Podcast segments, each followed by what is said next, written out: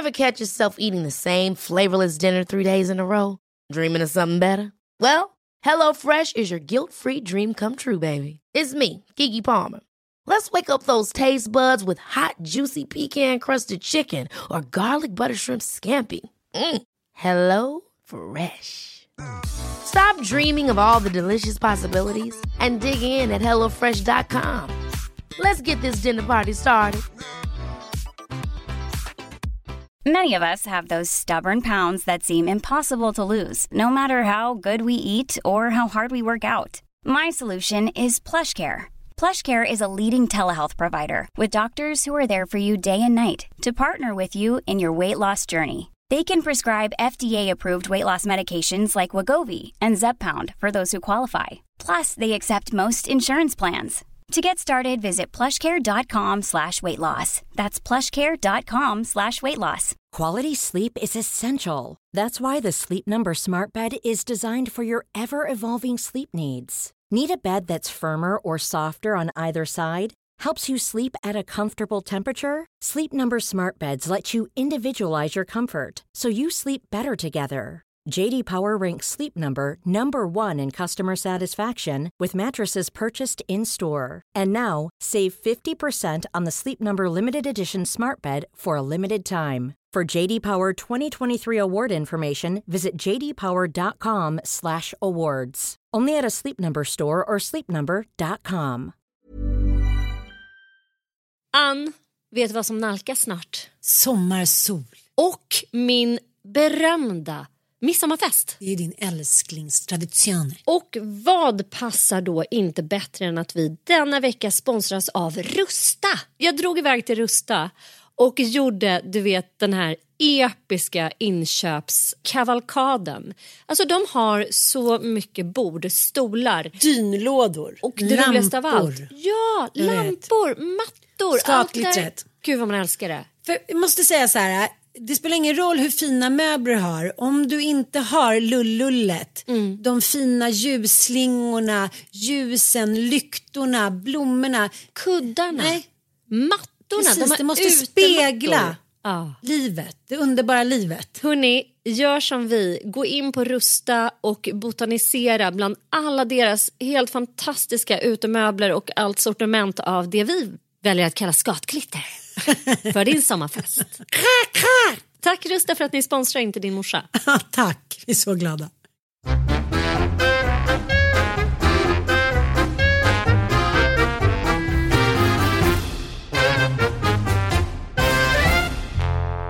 Hej och välkomna till Inte din morsa. Vi, vi är fortfarande ifrån varandra. Jag sitter i sängen och du är hemma på gården. Ja, hemma på gården. Och du är så här långtidskonvalescent. Det här har ju aldrig hänt under vår 15-åriga vänskap tidigare. Nej, jag vet, jag vet. Och eh, det är så roligt för att man ligger ju och tänker lite liksom. För det har varit mycket, jag har inte riktigt orkat kolla på på serier, jag har kollat några avsnitt och så har jag läst lite och så här, men sen är man ju liksom ganska trött. Så det har varit mycket att jag har legat och tänkt. Och du vet, då dyker ju grejer upp och så här, ja men allt från när du och jag var med i spökjägarprogrammet till till liksom att så här, gud, vi har känt varandra länge och eh, fan vi så här, jag kom till någon insikt igår att jag tänkte så här, gud, jag är inte liksom så här 30 någonting längre. Det är så här, man måste ta vara på sin tid på något sätt. Man måste så här, se till att må bra. För att det, det, det är liksom, jag menar inte så här, det kanske inte är många år kvar, men det är inte så här, ah, man är 30 någonting, får se vad man ska göra, man ska hit och dit och, och eh, utan det är så här, every fucking day counts. Och utan att bli så här, ja men, liksom ha någon så här, oh, ödeskänsla över så börjar jag känna så här, nej, det, liksom, det går inte att trassla runt. Det måste finnas en skön jävla feeling varje dag. Det måste finnas en rutin av bra mående. Och vad fan, hur kan man maxa det liksom? Ska man lyssna på Bach när man vaknar? Eller ska man eh, se till att träffa människor som gör en glad varje dag? Ska man läsa? Alltså, vad är det som får en att må bra? Tänkte inte du lite på det nu när du var på Maldiverna? Jo, alltså det är ju någonting som händer med när man tvingas till någon typ av liggläge, sängläge. Ja, jag vet. Och, av olika skäl. Du, du, det här har ju aldrig hänt mig förut. Nej, men det, jag tror typ att det där är det som krävs för att försätta dig i det läget. Jag tänkte på det att om du och jag hade varit på Maldiverna där vi var. Då ja. hade ju du varit igång hela tiden. Som, som, som jag känner dig liksom. Då hade vi, vi hade ju varit liksom maxat loss. På ett annat sätt. Vilket jag också är kul. Det. Men Sofia, vår vän, hon är ju liksom mer yogisk till sin natur. Hon är ju en person som lätt och ledigt kan liksom ligga i en solstol en hel dag. Och jag är också det. Men jag har liksom ja. nästan lite glömt bort att jag är den personen också. Mm, mm. För att eh, det, det är så här, vi färgas ju av varandra sjukt mycket och eh, vi är liksom adapters. Alla människor, i synnerhet vi som har medberoende i oss. Mm. Så att leva då, jag lever ju med en extremt rastlös människa. Jo. Mm. och mitt eh, liv som jag lever nu är ju ett liv i ständig rörelse. Och då menar jag så här, alltså om man bara korthugget tänker att man har liksom ja, men fyra lägen. Att man fungerar andligt, man fungerar praktiskt, det här görandet. Och man mm. fungerar intellektuellt och känslomässigt. Mm. Så tänker jag. Och i, i, dagsläget i mitt vardagsliv så är jag ju typ i det här praktiska hela jävla tiden. Jag ska inte mm. säga jävla tiden för jag gillar det jättemycket. Men det, det tar ju utrymme från de andra områdena. Helt klart. Alltså att jag står och så skottar tre ton skit ifrån mina hästhagar och eh, håller på på den här gården, lagar häststaket, fyller vatten. Det, det tar ju eh, all energi från livets övriga områden, inte minst det andliga. Ja, och det har vi pratat om förut, att jag vill liksom, jag vill på något sätt svära mig fri från andligheten, men det beror ju på att andlighet kommer inte gratis. Det gör, alltså att vara i rörelse hela tiden, det kommer ju gratis om man är bra på det och det är vi ju båda två. Men andligheten ja. kommer ju inte gratis och då vill jag gärna vara lite så ja det där är hokus pokus och det där är hiten och diten och det, det där är ingenting man, utan nu är det bara att köra på. Men, men jag tror att om, det som vi har pratat om innan, om, att, om det är ett attraktivt alternativ som till exempel när vi var på Mallis i somras, då är jag där med alla sju om jag är där, är det mat snart, är det lunch snart, jag vet inte hur får mm. man på den här? Då är alternativet för mig mer attraktivt att åka och spela tennis med Frasse och Ossian. Eller åka ner och ta liksom en lunch och ett glas vin nere i hamnen. Än att så här, vara the landlord till liksom tre, fyra, fem, sju apor som bara... Men mm. när man är på ett sånt ställe som du var med så här, böcker, ja, men, havet, den underbara maten då vet jag fan om inte jag också skulle kunna ligga stilla en vecka. Kanske skulle ta en liten promenix. Det skulle jag kanske En liten simtur, en litet Vansbro-sim bara en annan till Läckberg Men jag nej, såg, men, de har ju fortfarande inte kommit hem. Man nej, bara, de, de, de, är, de kör ju loss. Nej men he, så jävla... Nej men jag kände så djupt att jag... Jag kommer också ge... Och låt oss prata kanske istället för andliga så kan vi prata om det existentiella. Och det är lite det du är inne på att så här, mm. fan hur ska jag maxa mina dagar? Och det kände jag inför hemkomst också. Eller när jag kom hem så fick jag en så här djup, lite så här stresskänsla. Du vet att mm. så här, mm. det här livet som jag på något sätt har skapat mig som utgår ifrån någon slags barndomsdröm. Att jag ska mm. få bo med mina hästar på en hästgård och så här. Det eh, är ju ett liv som är till mångt och mycket eh, helt jävla underbart förstås. Men det är också ett liv som bjuder på jävligt lite återhämtning. Ah. Typ ingen? Att, Förlåt. Ingen, nej, men för att eh, det är ingen som tar hand om mina hästar om jag vill ha en sovmorgon. Alltså nej. så. Jag har ju lite så här helgjour hos folk som är här. Men det är ju alltid något jävla piss som händer. Du vet någon brunn som går sönder eller någon häst som har rymt eller något. Eller någon häst som har skadat sig. Det, det händer, det är liksom hela tiden. Mm. Och det kände jag så starkt att säga nej, jag 2022, där, jag ska återta min tid för liksom existentiella spörsmål. Att bara kunna tänka framåt. Vad vill jag? Hur fan ska jag maxa mitt liv? Hur ska jag få plats för återhämtning? Och jag ska göra en sån här resa varje år. För att jag behöver det. Mm, jag mådde mm. så bra där. Du vet de sista dagarna. En grej som hände i min kropp och det händer alltid när jag är i värme. Det är att jag har noll smärta. Noll smärta. Och jag säger inte att jag är någon smärtdrabbad människa. Men jag har liksom någon liten spänning här och någon liten verk där och någon liten fotled som krånglar där. Alltså det är någonting som lite småskaver i kroppen. Så här. Det Ja, tror jag jag har jag med, med vår ålder att göra. I den där jävla värmen så upphör, det är som att jag blir så här tyngdlös. Jag mår så bra av sån där värme. Mm. Du blir ledlös. Jag blir Du blir, ledlös. du blir liksom en sån där mask som bara så... lalalala. Ja, men man blir ju det. Jag, Nej, men jag ja. fattar. Ja, jag, liksom, så, det tycker jag också händer när jag var mycket i Thailand när grabbarna var små.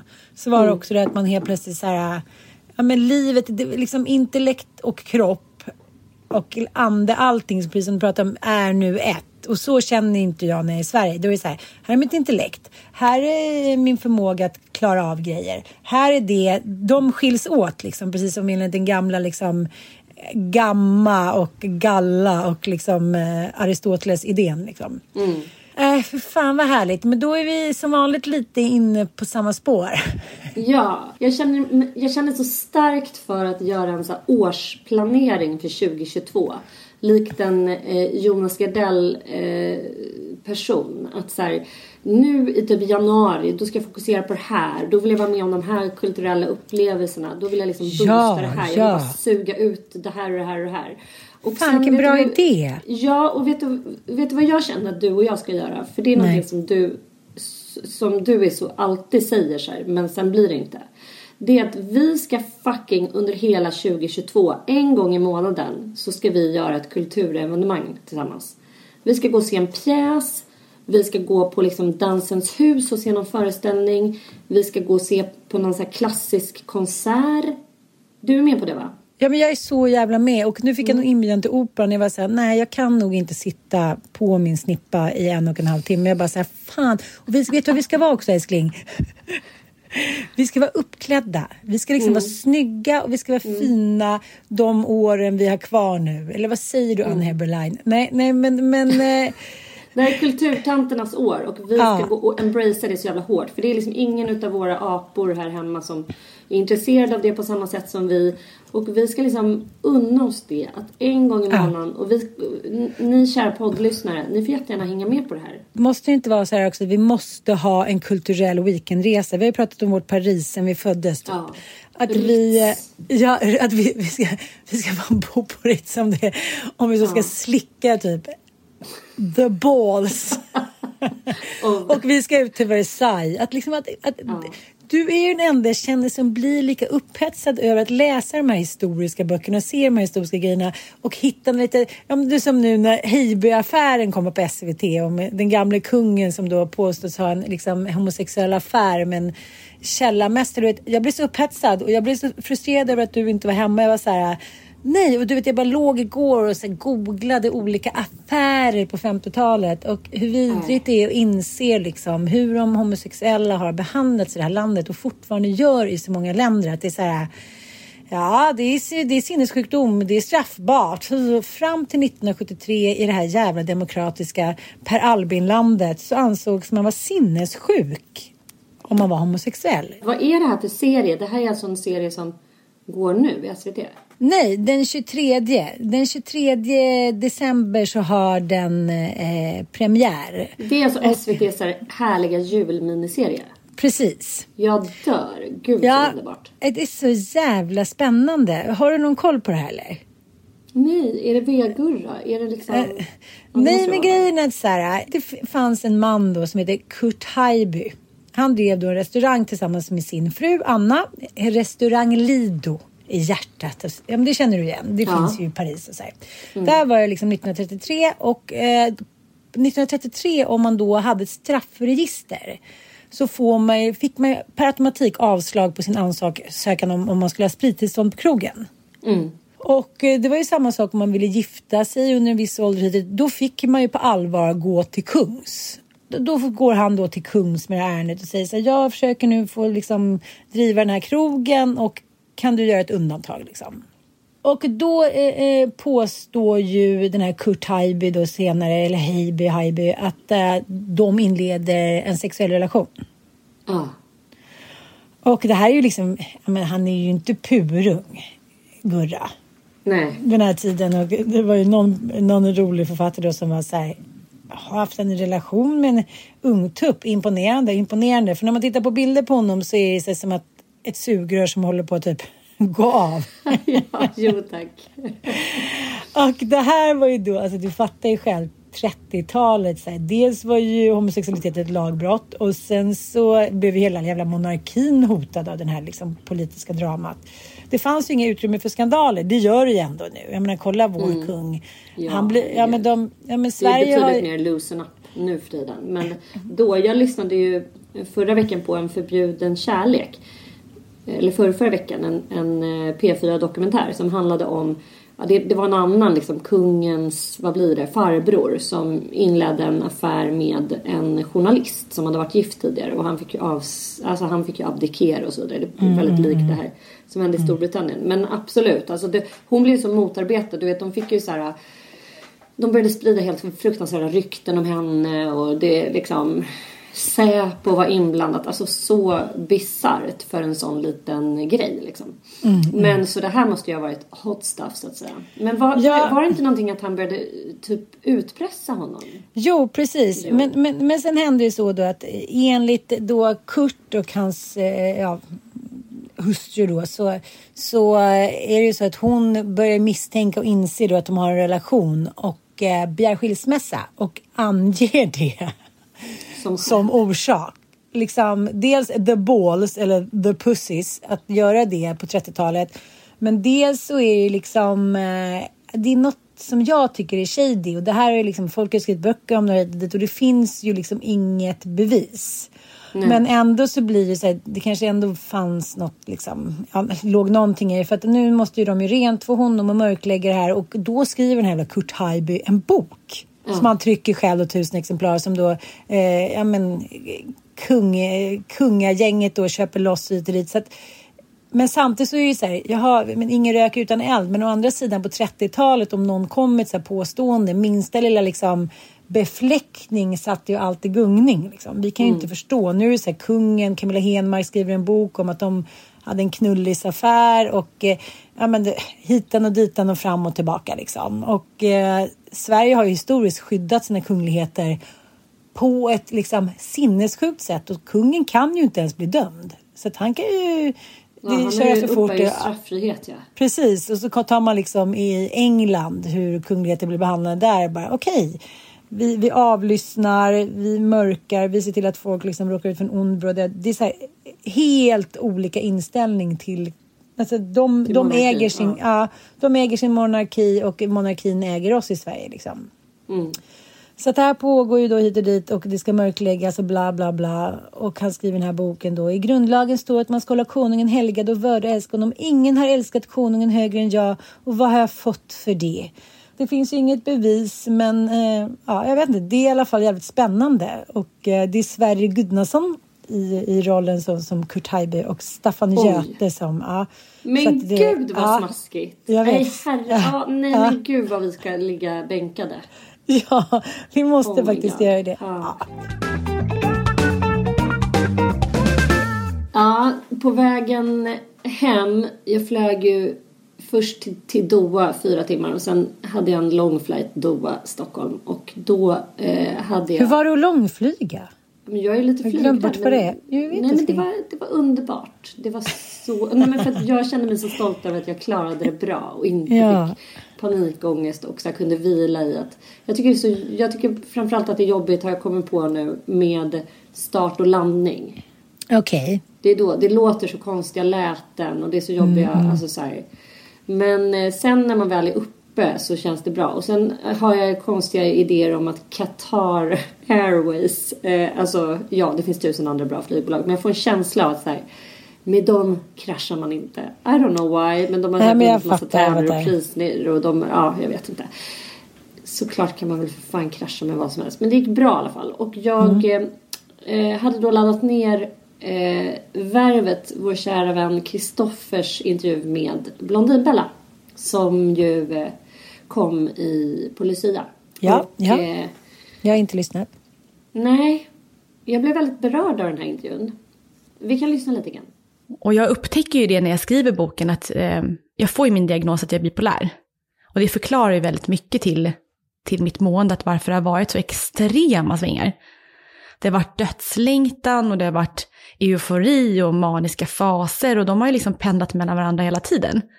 Kan vi prata lite om bipolaritet då? För det är ju en relativt ny grej för dig då att du eh, har fått den diagnosen. Eh, till att börja med, vad är det? Jag kan faktiskt inte jättemycket om den, för att jag fick den i år. Ehm, men det är ju en, den kallades ju förut för att man var manodepressiv. Och att man, eh, precis som jag sa, att man går ner i väldigt djupa mörker och de kan vara från månader till flera år. Och så går man in i de här maniska faserna, då är man väldigt lycklig och man är väldigt grandios, man kan klara allt, man tar stora risker. Rent ekonomiskt oftast. Och jag tänkte att när jag låg inne på sjukhuset så tänkte jag, men jag kan ju inte vara manisk eller bipolär för att jag har ju hållit på så här flera års tid. Och då sa de ju det, att men man kan vara manisk i tre, fyra år. Det behöver inte pendla varje månad. Mm. Och det förklarar hela min USA-satsning och...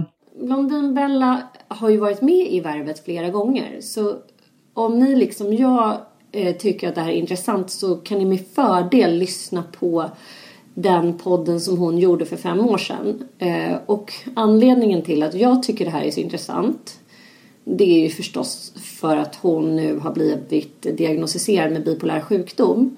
Och precis som en lyssnare påpekade i ett DN till mig. Så bara, fy fan vad sjukt Sanna.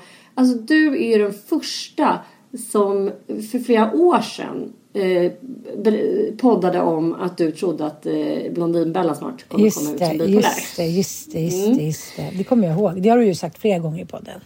Hennes liksom framfarter med sitt varumärke framförallt. För man ska göra skillnad på henne som person och hennes varumärke. Och den intervju som Kristoffer har gjort med henne nu senast. Det måste jag säga är den första gången som jag känner att man kommer personen Isabella in på eh, huden. Under huden. Allting annat är ju bara den här figuren som hon har hållit upp eh, som någon slags låtsasidé om sig själv. Och som är ju hennes varumärke och som hon ju har sålt och tjänat jättemycket pengar på. Framförallt så har hon ju tjänat pengar i samarbeten i podd, blogg och Instagram. Eh, alltså hon, drog liksom typ in, hon drog liksom typ in två mils i månaden. Ja, två miljoner i månaden. Hon går mm. igenom liksom vad hon har tjänat pengar på och vad hon har tjänat mest pengar på. Mm. Eh, och den här intervjun gör hon ju med anledning av att hon har släppt sin bok, ska sägas. Precis. Eh, där hon ju kommer ut då som bipolär, eller vad man ska säga. Det är ju larvigt att säga att man kommer ut. Men hon är i alla fall transparent och, och berättar om att hon har fått den diagnosen. Hon hamnade ju i en jättedjup depression. Och väldigt jag, djup depression. Ja, väldigt, väldigt djup depression. Där hon Elchocks. Fick, eh, ja, hon fick elchocksbehandling och hon var inlagd under en månad eller flera månader till och med. Och hon berättar ju väldigt initierat om både den här tiden och man känner verkligen, alltså hon lyckas förmedla i intervjun hur jävla vidrigt det är att leva när man är deprimerad. Och jag tänker så här lite grann för alla er som är intresserade av bipolär sjukdom eller vill veta vad det är och inte kan riktigt förstå hur handikappande den diagnosen är. För det är också så här, man tittar på Blondinbellas framfarter genom hela hennes liv. Hon började ju blogga när hon var 14 tror jag och nu är hon 30 så hon har ju liksom hållit på i 16 år i den här världen så har man ju ganska tydligt kunnat se både upp och nedgångar. Men en tydlig grej som faktiskt var lite förvånande även för mig som ändå har läst jävligt mycket om den här diagnosen och har ju jättemycket egna erfarenheter. Det är att man kan vara manisk i flera år. Och det är det som har liksom lurat både läkarna och henne själv. Så hon har ju tidigare, hon fick ju ganska tidigt diagnosen ADHD. Och sen mm. har hon ju fått eh, väldigt mycket liksom så här ångestdiagnoser. Allt ifrån generaliserad ångest till panikångest till ja, olika saker som har med ångest att göra. Men sen har hon ju varit manisk i stort sett hela tiden. Mm. Tills hon klev in i en djup depression. Och det var ju liksom den första djupa depressionen som hon hamnade i nu förra våren. Och den depressionen föregicks ju av en total mani som spårade ur när hon liksom gjorde av med alla sina pengar och hon började få sådana storhetsvansinnestankar att hon skulle erövra världen. Mm, och skulle ju då flytta till USA. Och, eh, ja. Nej men du vet, det, det är så galet. Det som, ja, det, det som är så absurt tycker jag. Det är att det är ingen människa runt henne, apropå att så här, framgångsrika människor blir strukna medhårs och framgångsrika människor blir inte ifrågasatta. Men hon hade ju liksom investorer. Hon mm. hade ju, jag tänker på den här Pingis Hallenius, vad hette hon? Hette hon mm, inte mm. så? Hedenius. Nu, Hadenius. Eh, som ju var hennes så här, business in crime partner typ. Mm. Nu, nu verkar inte hon existera i hennes liv längre. Jag vet inte exakt vad som har hänt och hon nämns inte i den här intervjun. Men jag bara tänker att så här, hon har ändå haft vuxna människor kring sig. Mm. Är det ingen som har bara så här, noterat att, för att jag menar, jag som inte ens eh, känner henne och bara liksom hört henne i poddar och läst hennes blogg kunde tydligt se att hon var bipolär. Hur fan kan man missa det? Jag känner sån djup, eh, liksom, det, det, är svårt att tycka synd om en person som blivit så förmögen och framgångsrik. Men alltså när man hör den här intervjun och förstår vilken enorm så här, utsatt position hon är. Alltså hon, hon känner ju liksom att hon inte vill leva i tid och otid. När hon kör över Lidingöbron att hon liksom vill svänga av och bara åka ner i vattnet och att hon inte vill vakna på morgonen och överdoserar både alkohol och tabletter nätter liksom vid massor med olika tillfällen. Alltså det, det är ett sånt jävla nattsvart mörker som hon simmar runt i. Det är en otroligt fin intervju. Jag, jag bara uppmanar er att lyssna och har man minsta lilla så här skrupler kring eh, huruvida depressioner finns eller om man kan rycka upp sig från dem och sånt där. Alltså det finns ju jättemycket vanföreställningar hos de allra flesta när det gäller psykisk ohälsa och psykiatriska diagnoser. Eh, då känner jag bara så här, lyssna på den här intervjun. Liksom så här, en yta som består av framgång och pengar. Hon får också frågan av Kristoffer så här, men du som ändå har varit bland alla de här rika människorna med folk som har så obegränsat med pengar. Är de lyckligare? Och hon bara nej. Alltså de är så jävla precis. Alltså pengar har ingen betydelse för psykiskt mående. Det kan ge en viss känsla av frihet men som hon är inne på också att så här, Samtidigt när man har mycket pengar så är man totalt ofri. För då ska de där pengarna liksom, då ska man förhålla sig till de där pengarna varenda jävla dag. Hela tiden. Mm, mm, mm. Men, men säger hon ingenting i intervjun om... Eh, jag menar om... Eh, att, här, det, det, hon har ju kommit, återkommit till att hon inte haft några nära vänner. Jo, men hon, kanske... hon är också så, så vackert brutalt ärlig. Att hon hon säger så här att jag slängde människor under bussen. Och då, det säger hon väldigt skamset liksom också. Det, är någon, det är en stor, ligger en väldigt stor sorg över det. Så här, hon, knyter, hon knyter an till människor men så fort det är någon som sätter upp hinder för en och det kan ju kanske ha varit det som hände med Pingis. Vad vet jag? Nu sitter jag bara här och spekulerar. Men att hon eh, Ja, hon slänger människor under bussen när det inte passar. När det är någon som sätter upp ett hinder, när det är någon som säger hallå, det här kanske inte känns så genomtänkt. Då är hon bara så här, fuck off, du ska inte stå i vägen för mig. Och det menar hon var det som The hände. American succession way. Ja, eller ja, hur? Men ja, också ja. the bipolar way. Alltså, mm, jag känner ju igen mig så mycket.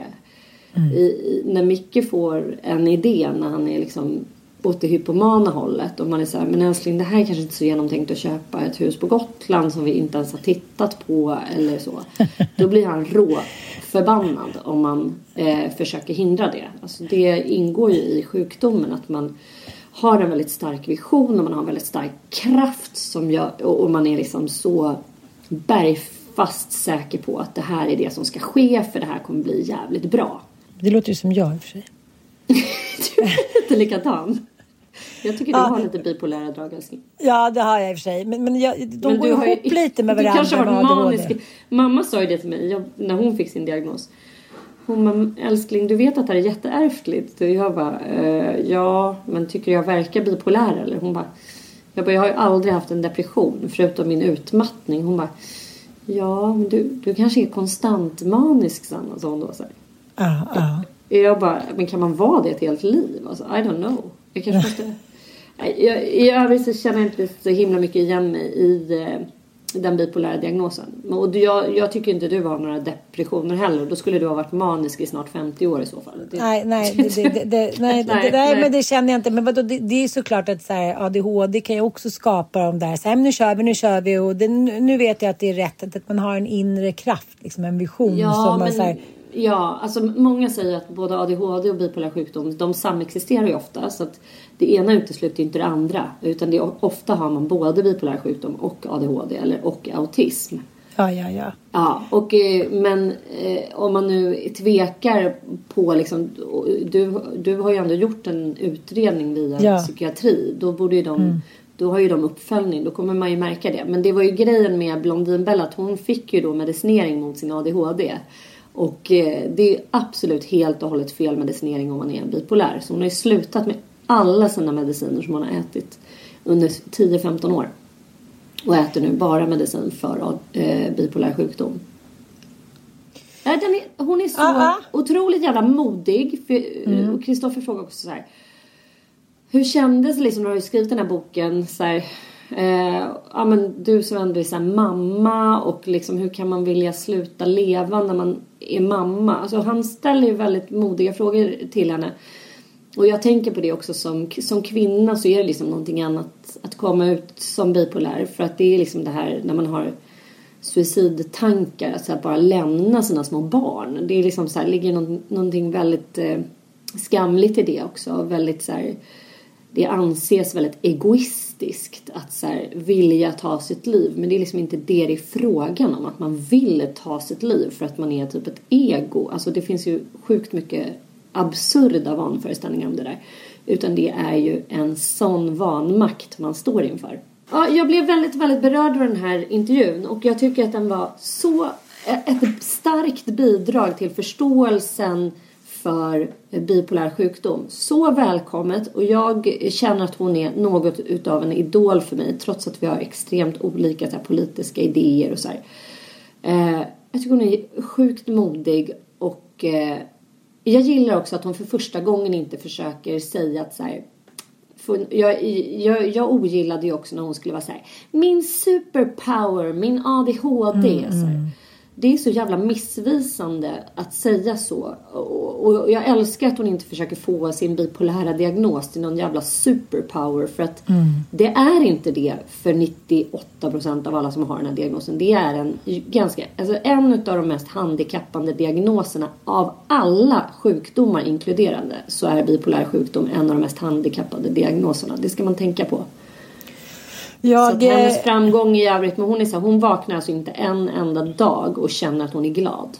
Det har hon aldrig gjort i hela sitt liv. Och det, hur fan var jag inte avundsjuk på det. Nej, det, det, kan man inte ens, eh, det kan man inte ens föreställa sig känner jag. Nej. För de få gånger det har hänt så bara det så här, då tänker man nu är det över. Ja, men det är ju så här när, när någonting nattsvart verkligen har hänt. Liksom, när din pappa dog eller Ja, när precis. Din mamma dog. Alltså, det, nej. Nej, jag Nej, det finns en orsak ofta. Ja. Säga bara. Du Men då kan, jag ja, då kan jag fortsätta med mitt tips för att förstå människor inom olika spektrum bättre. Jag låg och tittade på eh, Netflix eh, reality dating såpa för eh, autister. Har du hört talas om den? Men gud vilket roligt grepp. Ja, eh, precis. Eh, den heter Love on the Spectrum. Aha, men gud vad roligt. Ja, och, och eh, den har ju såklart liksom eh, som eh, ja, men, mål att då eh, få publiken då att inse så här, de olika spektrumen som finns kring autism och se vilka svårigheter men också liksom ja, men, ge en inblick i deras, liksom, ja, men, i det här fallet då kärleksliv, men inom parentes, det blir ju deras liv. Liksom det är klart att det är svårt eftersom eh, det är ju såklart castat och det är ju liksom, eh, ja men screenat, ja men det vet ju alla som, eller det vet ju inte alla men, men alla här reality-serier är ju inte så jävla mycket eh, reality som man tror liksom. Mm. Men eh, så att det, är, det jag kan känna är väl lite att när man tittar på deras, så här, ja, men, flera av de killarna som är har ju rum som liksom Frasse skulle tycka var barnsliga och de är liksom vuxna karlar i 25-26 års åldern. Och tjejerna och det, vad de har för kläder och liksom, ja men alltså, det gulliga, liksom, tycker man synd om, dem? vad är deras så här, åtanke? Ska man tycka synd om dem? Ska man skratta åt dem? Eller ska man så förstå dem? Det blir väldigt svårt även i en själv. Liksom. Mm. Men samtidigt så är, så är det ju väldigt intressant att, så här, att, att inse att många som, som till exempel är autister aldrig varit ihop med någon, eh, bor hemma fortfarande för de kanske inte riktigt klarar sig själva. De kanske inte heller har det sociala nätverket som gör att det överhuvudtaget blir eh, någon stimuli eller liksom, vad ska jag säga, utveckling att bo själv. Mm. Men samtidigt så, så tänker jag så här jag, dels ser jag ju väldigt många sidor som du vet hos mitt ex när jag bara säger jaha, det, det var ju därför. Ja, men det är ju så med, med, med bokstavskombinationer som till exempel jag med ADHD. Jag har ju, vi har ju många gemensamma drag vi som har ADHD och så är det ju såklart med autism också även om det finns miljoner olika sätt att vara ADHD-aktig på eller autistisk på bla bla bla. Mm. Mm. Men eh, liksom, jag tycker att det är ändå väldigt viktigt att här, få den här inblicken hur svårt det är att leva både liksom ett vardagligt liv och ett dejtingliv när man framstår initialt som ja, vem som helst om nu gör inom situationstecken och sen så när man börjar prata med någon så är det liksom okej, okay, wow, nej, nu, nu, ska du gå. Ja, men det är någon dejt som en tjej går på mitt i dejten så hon bara säger hej, det här känns inte bra, hej då. Han var så här, okej, okay, vi har liksom precis beställt in maten och eh, jag, jag, jag blir dränerad av det här, typ. Hej då! Sättet då när de börjar dejta och hur de liksom försöker prata med varandra då på, eh, ja, tyckte du att det här var kul och var det här bra? Och nu är det ju olika liksom, ja, de har ju olika, ja, mycket autism om man ska säga så. Då. Men eh, just det att de ser sina syskon som dejtar, de fattar, ska jag kunna liksom, ska jag leva utan kärlek hela mitt liv och eh, de ska försöka sitta och prata med varandra då och säga, vad är dina intressen? Ja, jag, jag gillar, jag gillar liksom att kolla på filmer, jag gillar skräckfilmer så här. Ja, det gör inte jag. Hej då! Ja, men, liksom. och eh, liksom den otroligt stora problematiken att man snör in på grejer och eh, liksom man ska ta, ja, ta med sig någon hem som kanske är utanför liksom, spektrumet då så har man ett helt rum fyllt med liksom gamla tänder, små prylar man har snöat in på och hit och dit. Och ja. det har ju skrivits mycket om det här i och med nya böcker som har kommit ut. Att många kvinnor och män som liksom snöar in på saker då har någon form av autism. Att man då inte tröttnar. För det är som ADHD, att när jag börjar göra någonting så tar det en stund och sen var det tycker jag att det är skittråkigt. Mm. Men, men jag försökte som liten då samla på liksom frimärken, jag försökte samla biten där. Men liksom, sen blev det ju det direkt tråkigt liksom. Mm. Eh, men hur som mitt ex då som man bara säger, okej okay, men nu snöar du in på bitcoins. Då har du ägnat sig sju år av ditt liv, tio timmar per dag. Man säger okej, okay, men snöa på det liksom. Och att det är så här, ja men det var några som bodde ihop då som båda autister och han hade snöat in på biljard. Mm. Och det vet man ju själv hur frustrerad man kan bli. Man bara, okej okay, du ska sitta och kolla på golf nu typ två timmar om dagen. Men vad kul. Men här handlar det om att de sitter liksom och kollar då på biljard sex. Han kollade nu fyra timmar per dag men han ville steppa upp till åtta timmar. För nu var han inne på det här och då går det inte. Det går liksom inte att eh, få den människan, ja, men som ett barn som har fastnat för någonting. Och det mm. var liksom eh, den problematiken att man här, på något sätt är normal och sen å det andra hållet har en helt annan hjärna. Mm. Som ingen kan förstå. Så det, är så här, det blir, blir ju såklart väldigt roliga scener och väldigt liksom fint och hit och dit. Men, men det är svårt. Det är också svårt att göra reality-såpor av eh, ja, psykiska handikapp om man ska säga liksom. Mm. Så att eh, ja, men, men det är också ett, ett, i alla fall ett tips om man vill förstå människor som, eh, som är i det spektrat och som kanske för man vet ju inte själv, man är ju inne i sin hjärna. Det är som mina kompisar brukar säga så här, nej vi är inte inne i din hjärna. Nu är du så här, tre år framåt och vi sitter fortfarande typ och äter förrätt. Jag var så här, jaha, har vi inte bokat eller har vi liksom inte gjort det eller har vi inte byggt eller har vi inte... ah, vi är inte inne i din hjärna. Det har ju mina kompisar sagt till mig liksom, sen högstadiet. Så här. Och jag har inte riktigt förstått vad de menar. Men nu när jag har läst mycket om liksom, ADHD och även autism så är det så här att ja, men, eh, man tänker så här man märker att andra kanske tycker så här, gud vad sa du nu? Det var ju konstigt. Men, men, men det kommer ju från ens egen hjärna adresserat. Och den här författarinnan då som jobbar på, på radion som har skrivit en bok om, eh, om kvinnlig autism. Och eh, hon ska då bli fotograferad där bakom eh, Grand Hotel. Mm. Det finns ju två statyer där, två bronshästar. Ja, jag älskar dem. Ja, men de är så vackra. Och sen så, så liksom så säger fotografen, men ska vi gå till den andra eh, hästen också? Kan vi ta en till bild? Så här, ja, men du vet hur man håller på. Hon bara så här, va? Nej, men jag har gått liksom den här vägen hemifrån till jobbet på radion i 15 år och hela tiden trott att det är samma häst. Nej. ja, hon har liksom inte tänkt ens, ja, men nu kommer den igen. Så, ja, det är samma häst. Och hur, hur ansträngande det är när hon har varit på någon drink eller suttit liksom med någonting där hon inte kan hantera det. Hon kan ju hantera sitt jobb. Hon kan, eh, och just det, det, det syns inte på dig att du är autistisk. Det syns inte på dig att... För där har hon sin trygghet i det hon har nördat in sig på. Men så fort no, många är utanför liksom utanför sitt eget spektrum så är det så extremt ansträngande. Och jag kände också då inför mitt ex som jag var så men gud vad du ska gå och lägga nu, varför kan du inte följa med för mig?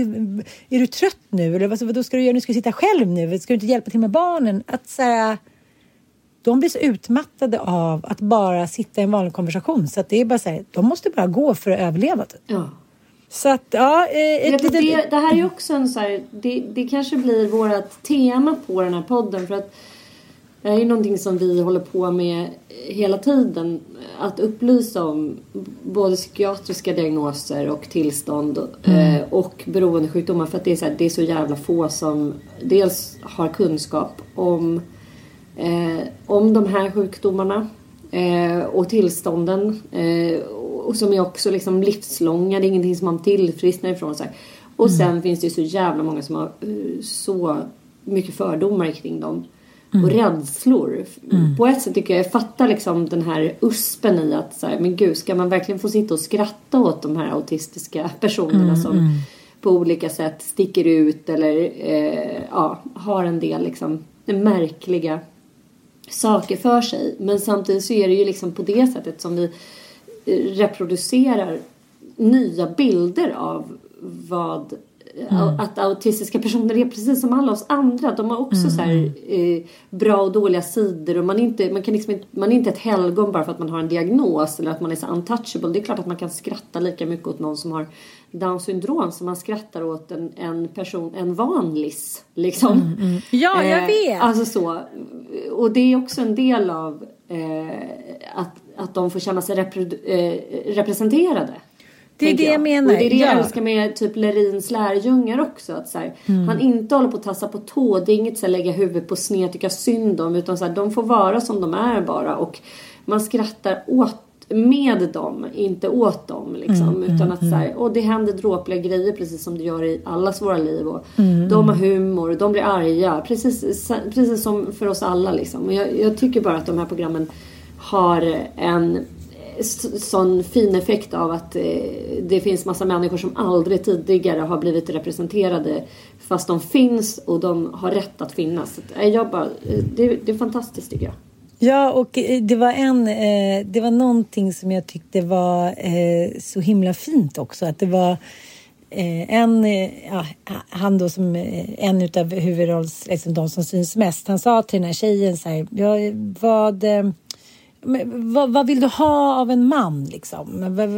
Vilka, liksom, vad, vad, vilka egenskaper och liksom, tycker du så här, att en man ska Hon bara, det spelar ingen roll, ba, bara han älskar mig som jag är. Mm. Och jag bara så här, först skrattade jag åt det och sen gick jag och tänkte på det att så här, är det inte det vi alla längtar efter? Att så här, egentligen spelar det inte så jävla stor roll vem, alltså det måste ju såklart vara liksom snäll och eh, god. Men om en människa älskar en för den man är med allt vad det innebär för även vanlisar eller människor som är liksom inte har någon bokstavskombination eller inte psykisk ohälsa så är det ju den vackraste känslan i världen som när man blev älskad när man var liten. Man blev älskad hur knorvlev man, man än var för den man var.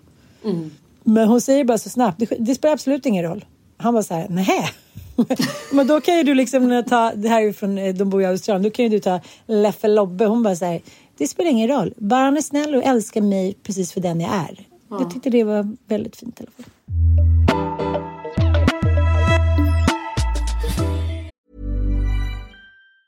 Have catch yourself eating the same flavorless dinner three days in a row?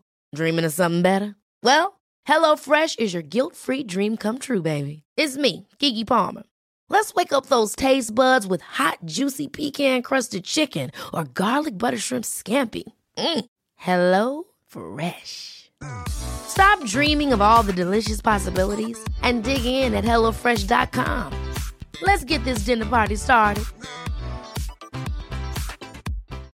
Life is full of what ifs. Some awesome, like what if AI could fold your laundry?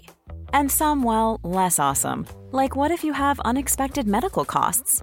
United Healthcare can help get you covered with Health Protector Guard fixed indemnity insurance plans. They supplement your primary plan to help you manage out of pocket costs. No deductibles, no enrollment periods, and especially no more what ifs. Visit uh1.com to find the Health Protector Guard plan for you. Many of us have those stubborn pounds that seem impossible to lose, no matter how good we eat or how hard we work out. My solution is PlushCare.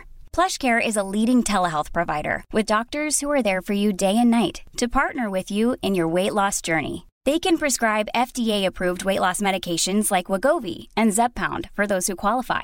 Plus, they accept most insurance plans. To get started, visit plushcare.com slash weight loss. That's plushcare.com slash weight loss. Since 2013, Bombas has donated over 100 million socks, underwear, and T-shirts to those facing homelessness.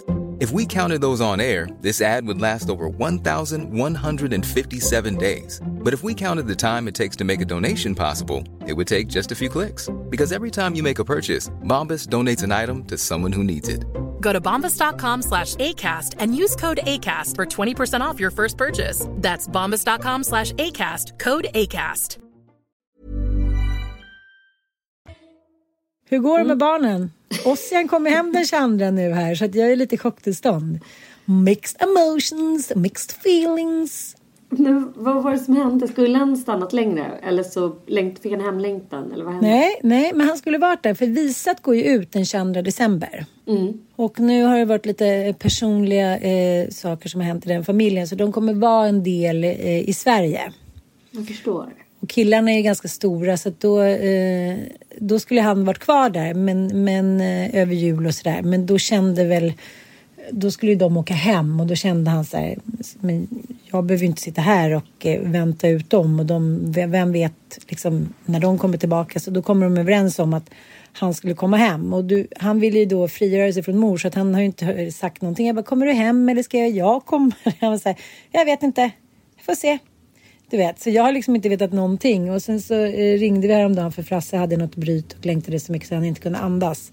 Ja. Och eh, det var så gulligt för att han, du vet ibland när man är så ledsen att man, när man var liten, när man inte kunde titta på den andra för att man blev ännu mer ledsen. Och så Ja. kan, ja, så att det blev liksom någon form av eh, Ja, det blev någon form av liksom, ja, diskussion här och dialog över eh, telefonen. Men Frasse låg i liksom kudden och grät och sådär. Och då sa hon sen, jag kommer ju om tio dagar. Och då var jag så här, jaha, nej, jaha. ja, men jag har bestämt mig för det så jag tar den biljetten då och så slipper jag fixa nytt visa och sådär. Jag bara okej, eh, bara gick ner på rummet där. Så här, det har ju nu blivit vår trash can. Där ligger så här kläder, där står någon träningsgrej, där ligger liksom lampor som inte är uppsatta. Det är så här, det är perfekt storlek på hans rum. Jag var så här okej, eh, då kör vi. Och sen så är det lite så som vi har pratat om tidigare att när katten är borta så dansar ju liksom råttorna på bordet och råttorna har ju kommit fram lite mer, de andra råttorna måste jag säga. Eftersom storebror, eh, den vackra, vackra storebrorsprinsen har tagit mycket plats både av, av mamma och liksom du vet ju vissa människor är, så är ju din karlslok också, att de rumsligt är jättar. Man bara, men hur är det ens möjligt att vi bor här nu på typ 600 kvadrat och överallt så är ändå Micke Persbrandt eller här då Ossian Bie. Och det är liksom bara så det är. De, det är deras energier, de tar över och det tänker man inte så mycket på när alla är med och när man alltid har levt i det. Men sen när de är borta ett tag, nu har jag varit borta flera månader, så länge har jag aldrig varit ifrån honom. Jag har ju bara varit ifrån honom i tio dagar hela mitt liv. Så då blev det också lite så här, okej, men lite softish. ja men jag du fattar, vet. Jag förstår, ja. Två ADHD-människor så- blir också, han, nu när jag hade legat sjuk då hade han ju så här, men kom igen nu är jag inte lite pigg, ska vi inte gå och käka lunch där borta på park då? Men ska vi inte bara eh, gå och kolla det där? Men ska vi inte bara sätta upp granen? Ska vi inte bara bla bla bla bla? Jag vet Mm. ju det och jag hade ju, precis som du berättade om, jag hade ju hakat på. Mm. Men det ska bli underbart men, men eh, Ja. Både och. Men kan du inte försöka...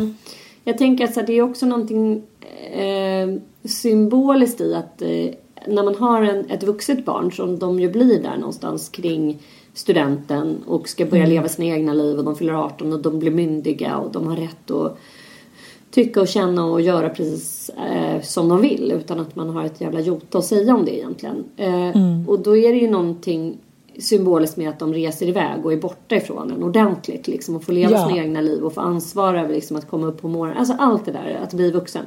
Så Olga har ju också varit iväg här nu i snart två månader. Hon ska vara borta till den 15 januari. Ja. Och det är såklart rådeppigt för man längtar efter dem. Men samtidigt mm. är det ju underbart att veta att, att de får göra sin den där liksom resan mot vuxenheten.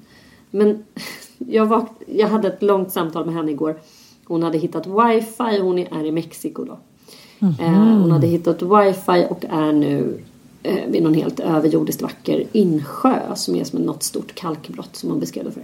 Men då pratade vi länge och då, då är det ju så här, ja hon ska ju komma hem därifrån och hon måste försöka planera vad hon ska göra då. Ska hon börja plugga? Ska hon, hon hade kommit in på psykologprogrammet i Umeå så hade hon kommit in på juristprogrammet i, i Stockholm och hon hade så här dubber kring vad hon skulle välja. hon skulle, ja men all, all den här valångesten.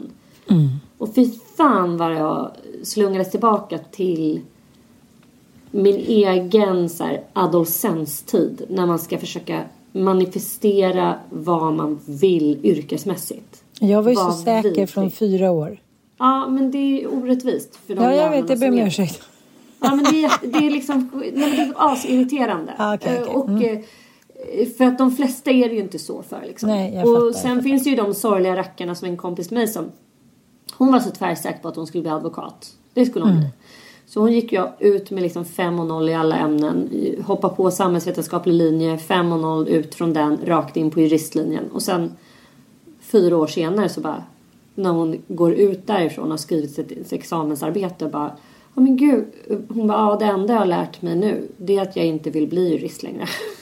Nej men gud, men jurist men, ja, men man kan ju ha massa föreställningar om ett jobb. Att man tror ja. att så här, Det vet jag ju många som har drömt om att bli skådespelare också. Att man så här, det ser så underbart ut att vara där på scen. Och det ser så underbart ut att vara i så här, teaterns mm, miljöer. Mm, mm. Och sen när man väl ger ett försök och börjar förstå liksom att så här, aha, du ska liksom plugga in en hel pjäs på 800 sidor här.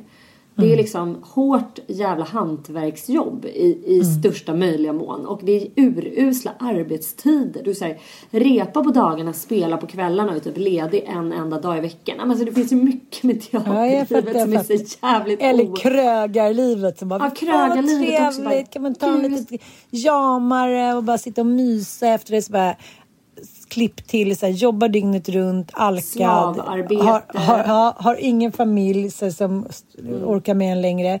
Och författare, det finns ju mycket av de här fria jobben som också är jävligt dränerande. Så är det ju liksom. Men ja. just jurist var att en, en Frasses lilla kompis pappa, han var jurist. Han var så här, äh, nu har jag gått över till andra sidan. Så att vara jurist. Så här, alla okej, okay, när kommer, när alla äger den liksom. För att man ska hjälpa dem i deras mål. Ja. Jag, jag, oss, Ilon går ju också jurist, så här, ekonomi jurist. Ja. Jag var så här, eh, okej, okay. förlåt, alla som är jurister, det är säkert, liksom, jag förstår att det är jättebra att det måste finnas, men jag skulle nog inte rekommendera mina barn att gå juristlinjen. Förlåt. Särskilt inte om de är så kreativa som hon är. Vad ska hon men, göra där? Jag vet, men det är också så här, ja, och det är samtidigt så här, för fan vad jag får lägga eh, band på mig för att jag vet ju att det spelar ingen roll vad ens föräldrar säger. För att eh, man måste hitta sin väg själv. Det är ju en del av mm. adolescensen att man testar mm. saker och så blev det fel. Alltså, jag, det enda jag har sagt till henne och det säger jag till alla mina barn. Stå aldrig still i den där åldern. För det värsta är att man, det är när man blir så förlamad av mm. valångest och då gör man ingenting ett helt halvår. Man bara, äh, jag bara jobbade liksom på Pressbyrån för jag visste inte vad jag ville göra. bara, nej, nej, mm. gör inte det. Mm. Testa olika saker. För det är det enda sättet att hit, finna ut. Om man nu inte vet redan innan vad man absolut drömmer om och vill. Liksom, så är det bättre att bara testa olika miljöer. Gå in på liksom fan, gör, alla skitjobb är bra. Liksom, för att man kommer ändå få känna på så här, ja men jobbar man som på hemtjänsten då får man ju känna på liksom eh, vårdmiljön. Är det något jag gillar liksom? Eh, mm, jobbar man typ i en klädbutik, ja, men då får man ju känna på så här, hela handlarbranschen. Mm, är det något för mig? Ja men det, det, man kan alltid bara lära sig något bra av det. Men ändå så känner man ju sitt eget barn. Som ja. du säger. Man vet mm. ju så här, Jag ser ju vad hon har för talanger. Och jag ser mm. ju vad hon har. Jag, vet, jag känner hennes innersta, inbillar jag mig i alla fall. Mm. Så det är så lätt för mig att bara säga, du ska göra det här. Och en del av mig är bara så här, kan du inte bara gå tillbaka till så här, 1912 när föräldrarna bara bestämde.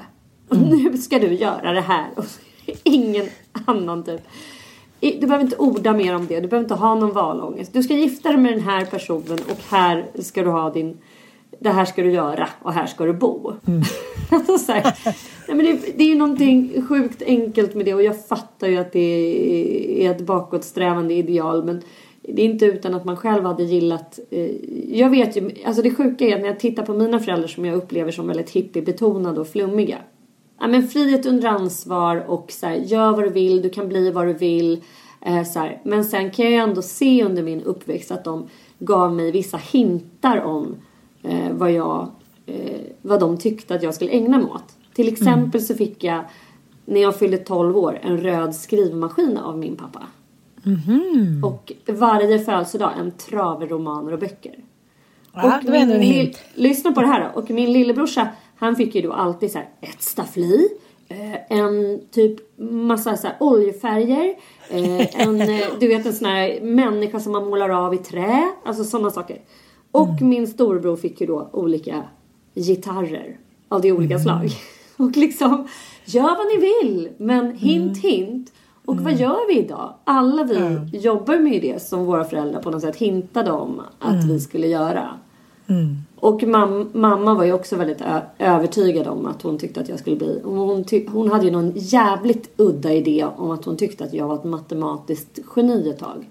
Jaha. Och det är enda gången som jag var så här... Fy fan. Det var för att jag hade en mellanstadielärare som hette Barbro som mamma blev väldigt god vän med. Och Barbro själv var ju väldigt intresserad. Hon, hon hade någon slags så här det var hennes eh, mål på något sätt, eller hon hade det som någon vision att flickor skulle bli mer intresserade av naturvetenskap och matte. Bra! Ja, det tycker jag var en bra grej. Men, och då tyckte hon att jag hade en, någon typ av talang för problemlösning i matte och det här blev ju mamma då liksom helt... Hon kunde, eftersom hon var ju bipolär så kunde hon ju då bli liksom besatt av olika mm. idéer. Och det här var ju hennes grej, att hon hade fått ett matematiskt geni i mig typ. Och där kände mm. jag bara så här, fast mamma, you're fucking fel ute. Jag mm. är ett matematiskt geni. Nej! Och det är så här, där fick jag ju ändå liksom henne att släppa den idén. Hon var ju mycket mindre liksom spot on när det gällde hennes visioner för oss barn. Pappa var ju mer spot on, måste jag säga. Mm. Mamma var ju mer så här, du kanske ska bli golfproffs. Eller så hade hon typ gått till någon, eh, något medium som bara Ja, det här mediumet såg att Kalle ska bli, han är egentligen en utomjording och ska, och han ska flytta, han kommer flytta till USA och bli så här jättestor, jag kommer inte ihåg exakt vad det var. Nej, hon hade mycket mer eh, flummiga idéer om, om vår, vår framtid. Men det var storslagna idéer i alla fall. Fan vad skönt att gå till ett medium och bara säga, vad ska mina barn göra? jag vet, det måste ju ha haft en enormt lugnande effekt på henne stundtals. Ja, ja. Man, man Men jag fattar vad du menar med mixed emotions. För det, jag känner så här enorm jävla lättnad när Olga tog studenten. Då kände jag så här, nu är mitt jobb färdigt. Jag har liksom lotsat henne genom livet ut i vuxenheten. Men det jag kände när jag pratade med henne igår lite grann. Ja, det var så här. Ah. Nej, nej, nej, för fan. Vad var det för sjuk liksom inbillelsesjukdom? Det, det, är nu, det här kommer ju bara pågå. Och det är ja, ännu jobbigare att försöka bestämma sig för vad man vill bli och jobba med. Än att man vill ha hjälp med ett matteprov. Ja, du fattar. Stora ja, barn, gud, stora ja, problem. Gud ja. Men, men jag tänker ändå att man har som skyldighet som förälder. Jag tycker jag tittar så runt. Jag tittar så runt. Jag tittar runt omkring mig och känner så här. Fan vad det är många som är på fel plats. För att de trodde att det var, så här, det var det deras föräldrar ville, det passade dem. Men så hakar de bara på någon polare eller hit och dit. Och så sitter nu, och särskilt män tror jag. Det tror jag också beror väldigt mycket på att män blir väldigt deprimerade När de känner så här, okej, okay, var hamnade jag? Var det här verkligen rätt för mig? Medan kvinnor kanske är lite mer så här, okej, okay, vi vidgar våra vyer. Nej, då testar jag det. Men jag har ju också haft ett otroliga förebilder. Mamma var ju en, en liksom eh, mångsysslare. Hon var så här, okej, okay, då ska vi flytta hit. Då tror jag att jag blir tapetserare. Då går jag tapetserarkurs när jag tapetserar. Okej, okay, här verkar det behövas lärare. Då är jag lärare. Alltså hon var ju liksom så otroligt fri i, i vem hon var och vad hon skulle göra. Det var inte så att man kände så här, ja nu måste vi följa eh, ett visst schematiskt mönster för att bli lyckad eller hit och dit. Utan hon var så här, whatever floats your boat liksom. Mm. Och pappa var ju så otroligt besatt och dedikerad i sitt jobb liksom han levde ju för sitt jobb. Han, han levde ju mycket mer med sina liksom med Expressen än vad han någonsin gjorde med oss liksom. Mm. Och eh, ja, det var väl någon liten kombination där också. Det, det, det, det är så mycket ens identitet och känna att man hamnat fel är ju ja, ingen rolig känsla liksom. Nej, och jag säger det, alltså jag skulle ju lätt kunna vara så här. Vad vill ni göra? Nej men bli journalist, det är världens roligaste jobb. Det är världens ja. roligaste jobb. Ja. Jag tycker fortfarande det. Jag kan inte mm. förstå varje dag när jag vaknar och får så här, Åh oh, gud, jag, nej men jag, jag tycker att jag har hamnat, jag kan inte komma på någonting annat som jag skulle kunna tycka är roligare. Eller det är liksom mina hästgrejer som jag gör. Men det handlar ju också om så här mellanmänskliga möten generellt. Och jag tycker ju att journalistiken, det, det, det jobb som jag jobbat, skitjobbet som var närmast journalistiken, det var ju hemtjänsten. Mm. För det är också mellanmänskliga möten och att ta emot andra människors berättelser men man kan också vidga det. Alltså, så jag tänker för, för, för, Olga så här. Hon kan använda, hon kan använda liksom sin röst till exempel om hon vill resa utomlands eller jobba för liksom mänskliga rättigheter. Hon kan bli författare, hon kan bli manusförfattare. Jag tycker yrket, grundyrket journalistik skapar mm. ju tusen vägar framåt. Och det är det jag tycker. Men, men jag är så lycklig över att jag har det där ordet, ordet i grund och botten och jag vilar väldigt mycket i det i min trygghet om vem jag är. Mer och mm. mer. Och, och, det blir jävligt tydligt och det har ju du och jag pratat om förut. Att så här, har man någonting som man känner att man vilar i. Då kanske man ska gå den vägen också. Å andra sidan. Det sa Olga till mig lite surt. Hon bara, men mamma. Vad fan, titta på liksom så här, hur det ser ut arbetsmarknadsmässigt för journalister. Alltså mm. det är ju urusel utgång för så 90% av alla som går de utbildningarna. Man bara, jo just det. Så här, alltså, vi är ändå lyckligt lottade som har kunnat förse oss själva med jobb. Ja. Eh, det finns jättemånga som inte ens som har gått långa journalistutbildningar och inte kan arbeta med det som man är utbildad för förstås. Mm. Eh, och det, hennes tanke är så här, jag vill ha något yrke där man vet att det alltid finns jobb och så kan jag safea upp med det. Jag hade jag fattar, ju två, eh, ja, men, två, eh, två som jag hade i stallet. Den ena var ju då läkare. Men jobbade bara extra som det för hon ville helst bara hänga med sina djur. Ja, alltså det är ganska sjukt att vara så här. Och då, för att liksom, du har en ganska så jävla bra timlön som läkare. Så det jo, räcker tack. med att du jobbar två dagar i veckan så kommer du ändå mm. tjäna bra med pengar. Mm. Vilket hon gjorde. Så hon, hon hade ju liksom utbildat sig till ett jobb som hon bara jobbade extra med och sen var hon ledig. Och levde liksom ja, ganska ekonomiskt för att kunna ha det så. Det är det... som min kompis Maja. Hennes exman kommer in ibland där hon jobbar som barnmorska. Skriver på några recept, kollar lite och tjänar mer än vad hon gör på hela månaden typ. Så jävla irriterande mm. egentligen. Och det är egentligen så här det enda, det är liksom det enda yrket där det är sån enorm ah. eh, skillnad i. Jag menar att bli barnmorska tar lika många år att utbilda sig till barnmorska. Ja. Som att utbilda sig till läkare. Vad är Sån det som jävla gör att... skam alltså. Ja men det är helt bisarrt. Eller sjuksköterska mm. som också är liksom en högskoleutbildning. Och många är ju specialistsjuksköterskor. Ändå har de alltså mm mindre än hälften i lön oftast. Mm. Det är otroligt märkligt. Jag kan inte förstå varför. Och samtidigt så, alltså vården skriker efter läkare. Det finns ju obviously liksom för få läkare så det är väl en anledning till att eh, deras löner har skjutit i höjden på det sätt som de har gjort. Men mm. ja, samtidigt så vet jag inte. Alltså det finns så himla många parametrar. Vad jag vill säga med det här lilla utlägget det är liksom att Både att det kliar i, i fingrarna, att man bara vill så här, nu gör du som mamma säger, som man har sagt mm. så jävla många gånger till sin unge. Och sen får man mm. bara lägga band på sig och bara, nej, lita på processen. Det här är en process, den måste få äga rum hos varje människa. Adolescensen är också ett så utvecklingssteg och det är skitviktigt att, att få befinna sig där i och att så få får försöka hitta väg, vägar som ingen jävel ska lägga sig i. Ja, det är svårt. Eh, jag har en liten cliffhanger. Då kan jag berätta något liknande i nästa podd. Ungdomarna. Ja, ungdomarna.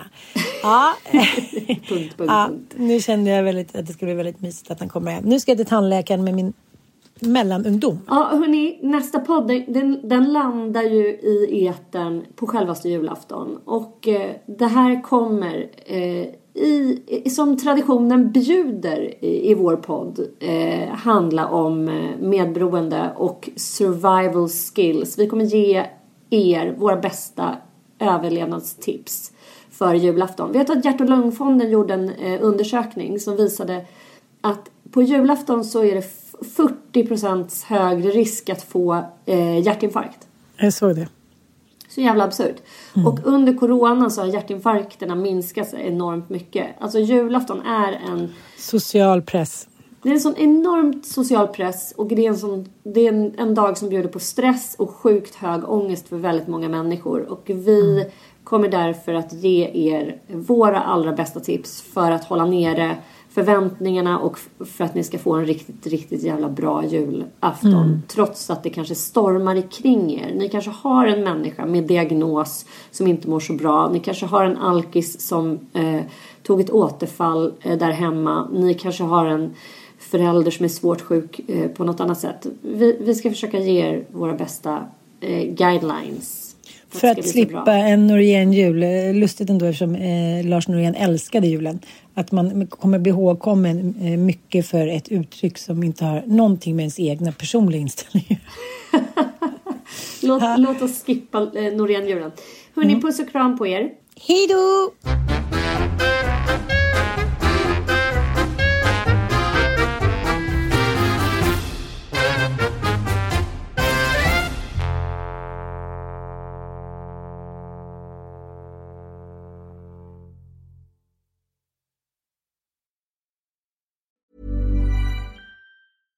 Ever catch yourself eating the same flavorless dinner three days in a row? Dreaming of something better? Well, HelloFresh is your guilt-free dream come true, baby. It's me, Gigi Palmer. Let's wake up those taste buds with hot, juicy pecan-crusted chicken or garlic butter shrimp scampi. Mm. Hello Fresh. Stop dreaming of all the delicious possibilities and dig in at HelloFresh.com. Let's get this dinner party started. Imagine the softest sheets you've ever felt. Now imagine them getting even softer over time. That's what you'll feel with Bowl and Branch's organic cotton sheets. In a recent customer survey, 96% replied that Bowl and Branch sheets get softer with every wash. Start getting your best night's sleep in these sheets that get softer and softer for years to come. Try their sheets with a 30-night guarantee. Plus, get 15% off your first order at bowlandbranch.com. Code BUTTERY. Exclusions apply. See site for details. Hi, I'm Daniel, founder of Pretty Litter. Cats and cat owners deserve better than any old-fashioned litter. That's why I teamed up with scientists and veterinarians to create Pretty Litter. Its innovative crystal formula has superior odor control and weighs up to 80% less than clay litter. Pretty Litter even monitors health by changing colors to help detect early signs of potential illness. It's the world's smartest kitty litter. Go to prettylitter.com and use code ACAST for 20% off your first order and a free cat toy. Terms and conditions apply. See site for details.